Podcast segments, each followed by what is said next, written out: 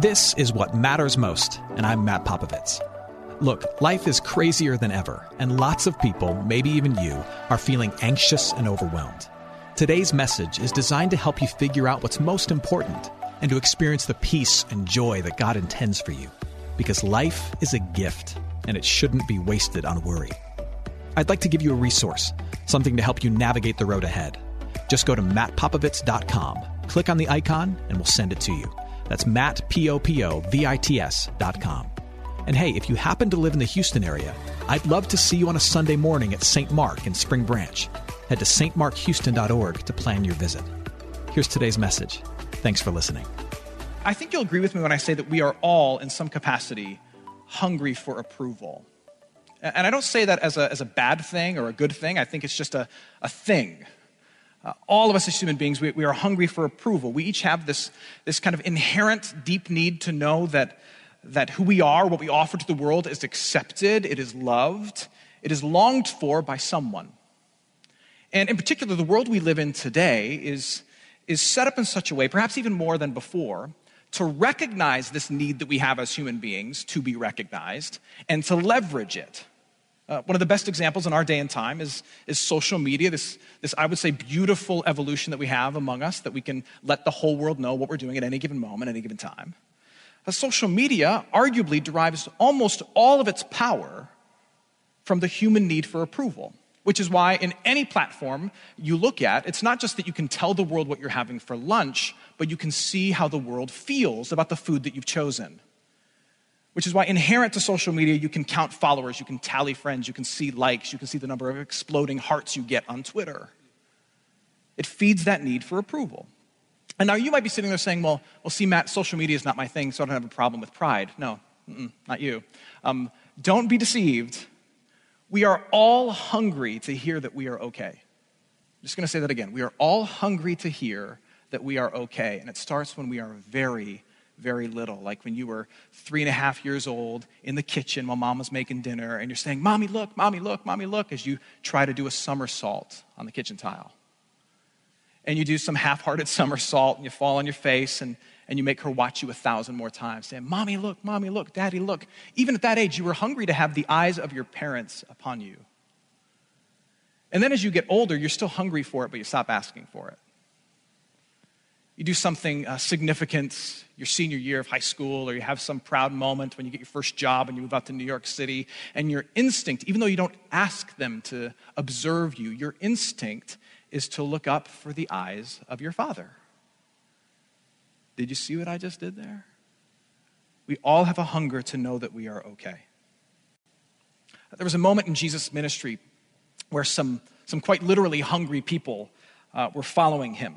Uh, Jesus had just performed a miracle where he, he multiplied some bread and he had um, uh, uh, fed thousands of people in one fell swoop.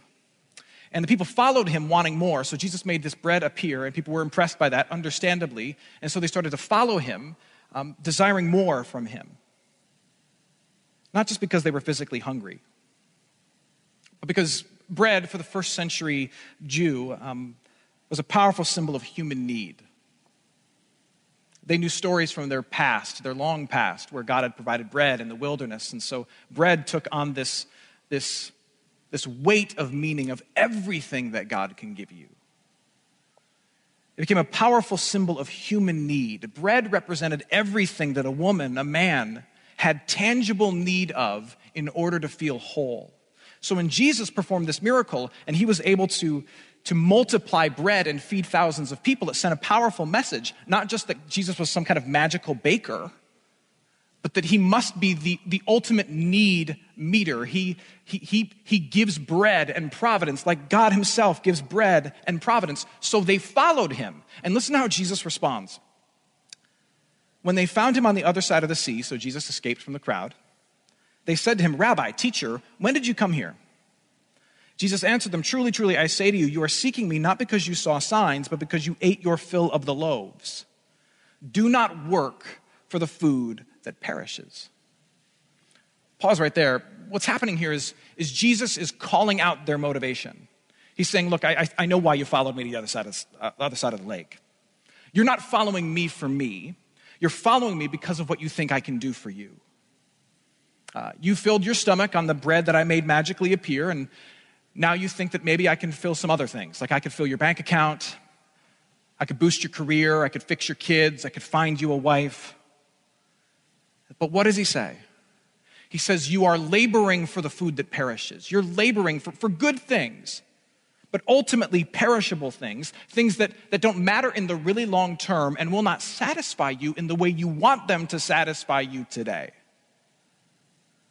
Here's how this connects to what we're talking about tonight. I would say to you that the approval of your peers, the applause of others, the praise of a parent, the congratulations of a colleague, it falls into that category that Jesus is talking about of perishable food, where the satisfaction that you get from it lasts for just a second.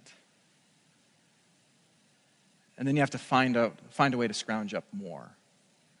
Now, you may hear that and you may wonder, well, Matt, well, what, what's so wrong with that? What's wrong with, with being encouraged and fueled and motivated by the praise of other people. So, what if it's fleeting? So, what if it, it doesn't last and I have to keep working for it? Uh, I, I, think that's kind of a noble thing to work for, to be admired by others. And I would agree with you, there's, there's a bit of nobility in it. But you might say, well, what am I hurting if that's what it is for me? To, see, to have people see me and recognize me and notice me. Who am I hurting? And I would argue to you that perhaps, perhaps the, visual, the biggest casualty in that pursuit is yourself. That maybe the only person you're hurting in that is yourself because you set yourself up for fatigue and for disappointment. Fatigue because the approval of human beings is something that has to be earned over and over and over again. In our world, performance is the currency of praise. If you want to get paid in praise, you got to pay in performance.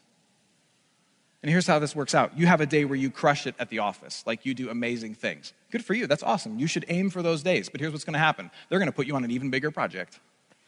You are so good at your job, we're going to give you more responsibility, eh, maybe even a little more pay. And guess what happens? You got to come to the office and do what?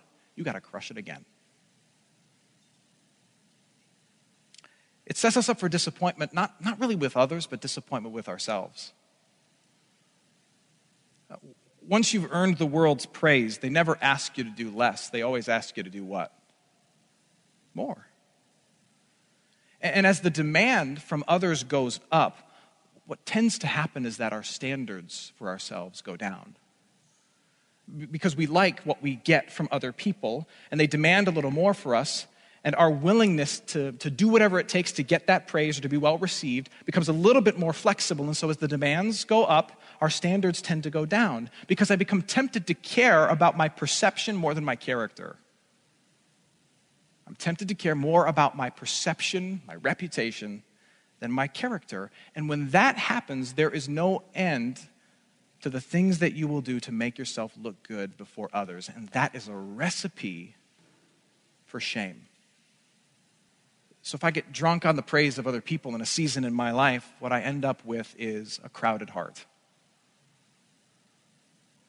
A heart that is full of concerns of how I'm going to maintain the praise of people, worries about self, that's pride, a tired body because you're constantly having to perform for others, a guilty mind because you are doing things that violate your conscience. You said yes when you wanted to say no, but you feel like you have to say yes because if you don't say yes, they're not going to like you. Ever been in that situation? And you have an audience in front of you that may very well love you and may very well praise you, but they are always asking for an encore from you. Always. Listen how Jesus concluded this teaching. He says, Do not work for the food that perishes, but for the food that endures to eternal life which the Son of Man, a reference to himself, the Son of Man will give to you. Jesus is talking about himself in the third person. Um, when you're the Son of God, you get to do that and not be crazy. If you try it, you're crazy. For on him, God the Father has set his seal. In other words, I'm the one that God has approved to dish out the satisfaction that endures to eternal life.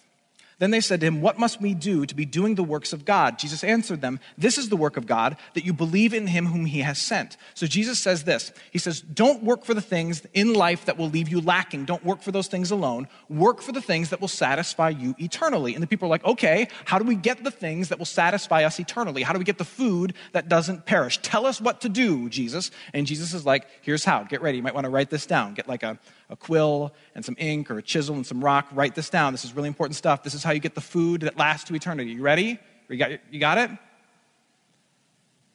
Believe in me. And they're all just like, and he's like, believe in me. That's it. The satisfaction that you're looking for, that will never fade away, is found in me and I give it away for free simply through faith, through, trust and dependence upon me. That's what Jesus is saying. One of my favorite verses is found deeper in the New Testament, 2 Corinthians chapter 1 verse 20. It says this, all the promises of God find their yes in who? In Jesus. Think about that statement. All of the promises of God. What are all the promises that God might make to humanity? All of the promises of God find their yes their fulfillment in Jesus Christ. That is, that is why it is through Him, through Jesus, that we utter our amen to God for His glory. There are lots of things we need as human beings that we desperately desire from God. Tonight we're talking about approval, to know that we are accepted, loved, and longed for by someone. The answer to that need, to have the eyes of not just your parents, but the eyes of the Father, the ultimate Father, on you, loving you, the answer to that need is yes in Jesus Christ. Through faith in Jesus Christ, who has performed for you, who has died for you, who has risen from the grave for you. Jesus Christ, who had the eyes of the world on him and yet lived without no sin, died as though he had sinned, rose from the grave that haunts us all. The eyes of the world were on him. He performed perfectly and sacrificially and powerfully on your behalf so that now God the Father looks at you because of Jesus Christ, his Son, and he accepts you. Not because you've been good enough, but because Christ came into this world and he was good for you. And because Christ was good for you and he was for me and for everybody else, when God the Father looks at you and you wonder, How do you feel about me? Did you see what I'm doing? God the Father looks at you, and on a good day, on a bad day, on every in between day, he looks at you and he says, I accept you. I love you.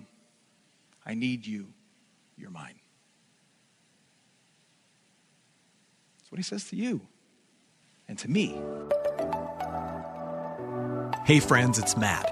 If you're listening to us in Houston and you're looking for an excellent education in a Christian setting for your student, I'm inviting you to take a tour of St. Mark Lutheran School in Spring Branch. We serve infants through eighth grade with an excellent faculty, brand new facilities, and a faith forward curriculum. To schedule your tour, head to gostmark.org. That's G O S T M A R K dot org to schedule your tour today. St. Mark Lutheran School. It's excellent education for your son, your daughter, your little one. Now, back to today's message. I heard someone say last week, I don't struggle to believe that God loves me. I struggle to believe that his love matters. And I get that. And I'll tell you a little secret. Even as a pastor, I sometimes think the same thing. Let me put it in terms that matter to me. Maybe they'll be helpful to you. Um, the boss that you're trying to impress. Picture her in your mind. The, the boss that you're trying to impress. There is one above her with even more authority. The father who you're trying to make smile there is a Father over him and you both. Uh, the world that you're trying to get noticed by, there is one who holds it in his hands and causes it to spin.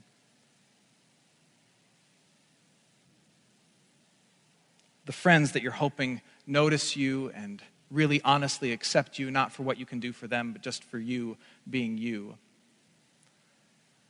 There is one who gave them to you.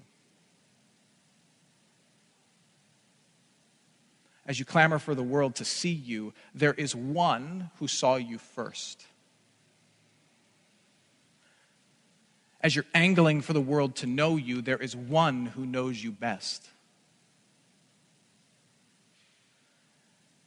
And this one has approval to give too. This one has acceptance to offer and love to lavish, but unlike every other person in your life, your boss, your friend, your girlfriend, this one who's above us all is the only one who never needs to see you dance, who never asks to see you labor, who never needs to check up on you and write a report on you, who never ever asks, What's in you for me? And everybody asks that. But there is one above all who asks that question of no one.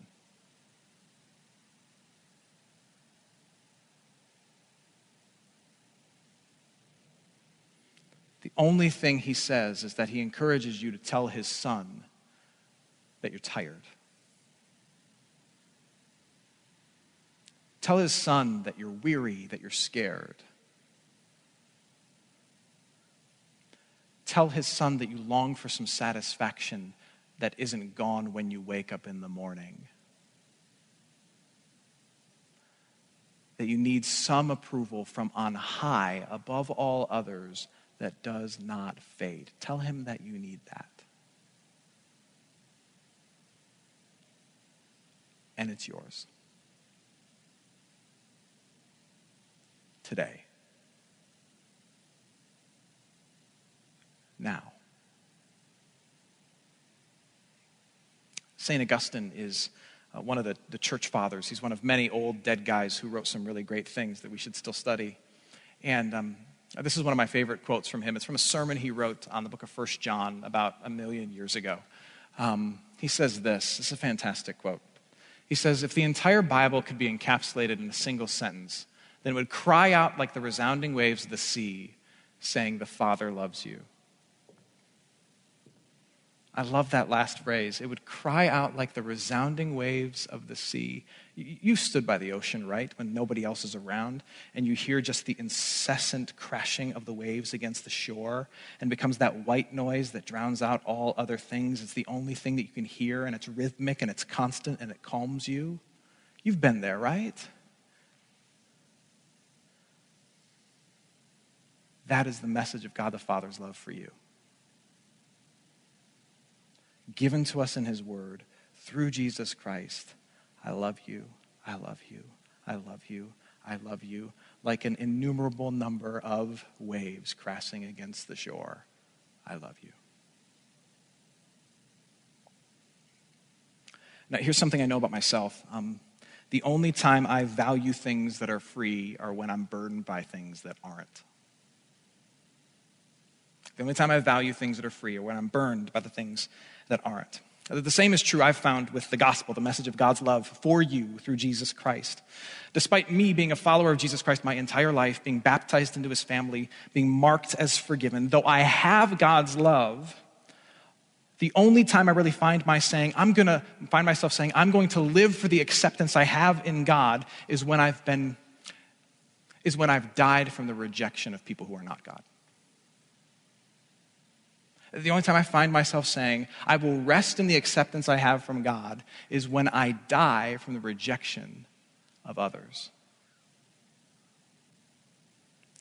My hope for myself and my, my prayer for you as my friends and our church is that over time, God would, would mature us. He would grow us in such a capacity that, that he, would, he would slowly, but, but certainly, and it doesn't come to completion this side of eternity, I understand that. But that he would slowly, but certainly, crush our inordinate hunger for outside applause, and he would begin to stir freedom in us, as Nathan sang earlier. Come and make us free.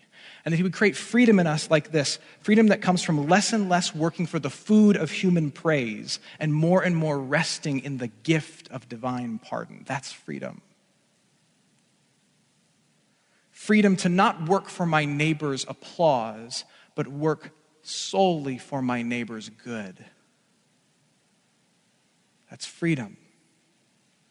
Freedom to stop seeing Jesus as a means to my end, my end of having a better job, my end of being recognized by my peers, my end of attaining greater praise, but instead to enjoy Jesus as the one who finally brought an end to my means. He brought an end to all my trying by giving me what I don't deserve, but what I desperately need. The eyes of my Father upon me and loving me, even though I am in this broken body and this messed up world.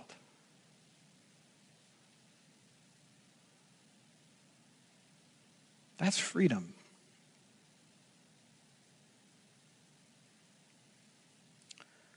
I'm going to close um, with a story, uh, more of a parable, really. There was, there was once a king who, who noticed a beautiful woman. And he wanted to uh, invite this woman to the castle and make her queen. But more than that, he wanted her to love him. And, and you know, love, love, is a complicated thing. He, he was smart enough to know that if he simply uh, laid a hold of this woman and, and dragged her to the castle and made her queen, that, that that would somehow corrupt her love. Like maybe she would think that, that that though she was beautiful, it was purely her beauty that, that earned his love and appreciation. And so she'd feel this inordinate pressure to keep that beauty and to, and to keep up all the things that made the king first notice her. And, and that would ruin the love. She'd feel like she had to maintain it. Or maybe because he was the king and he had power and he had title and he had authority, by bringing her into the castle and, and making her the queen, sweeping her out of her past life, she would think that she has to love him. She'd feel forced to him, like she had no other choice. And a forced love is not real love. He wanted pure love from her. He wanted to be loved by her in a real way, in a simple way, in a pure way. And so, knowing that he could not elevate her without corrupting her love, he decided to descend himself. And so he dressed himself in humility and he, he approached her cottage in the village incognito.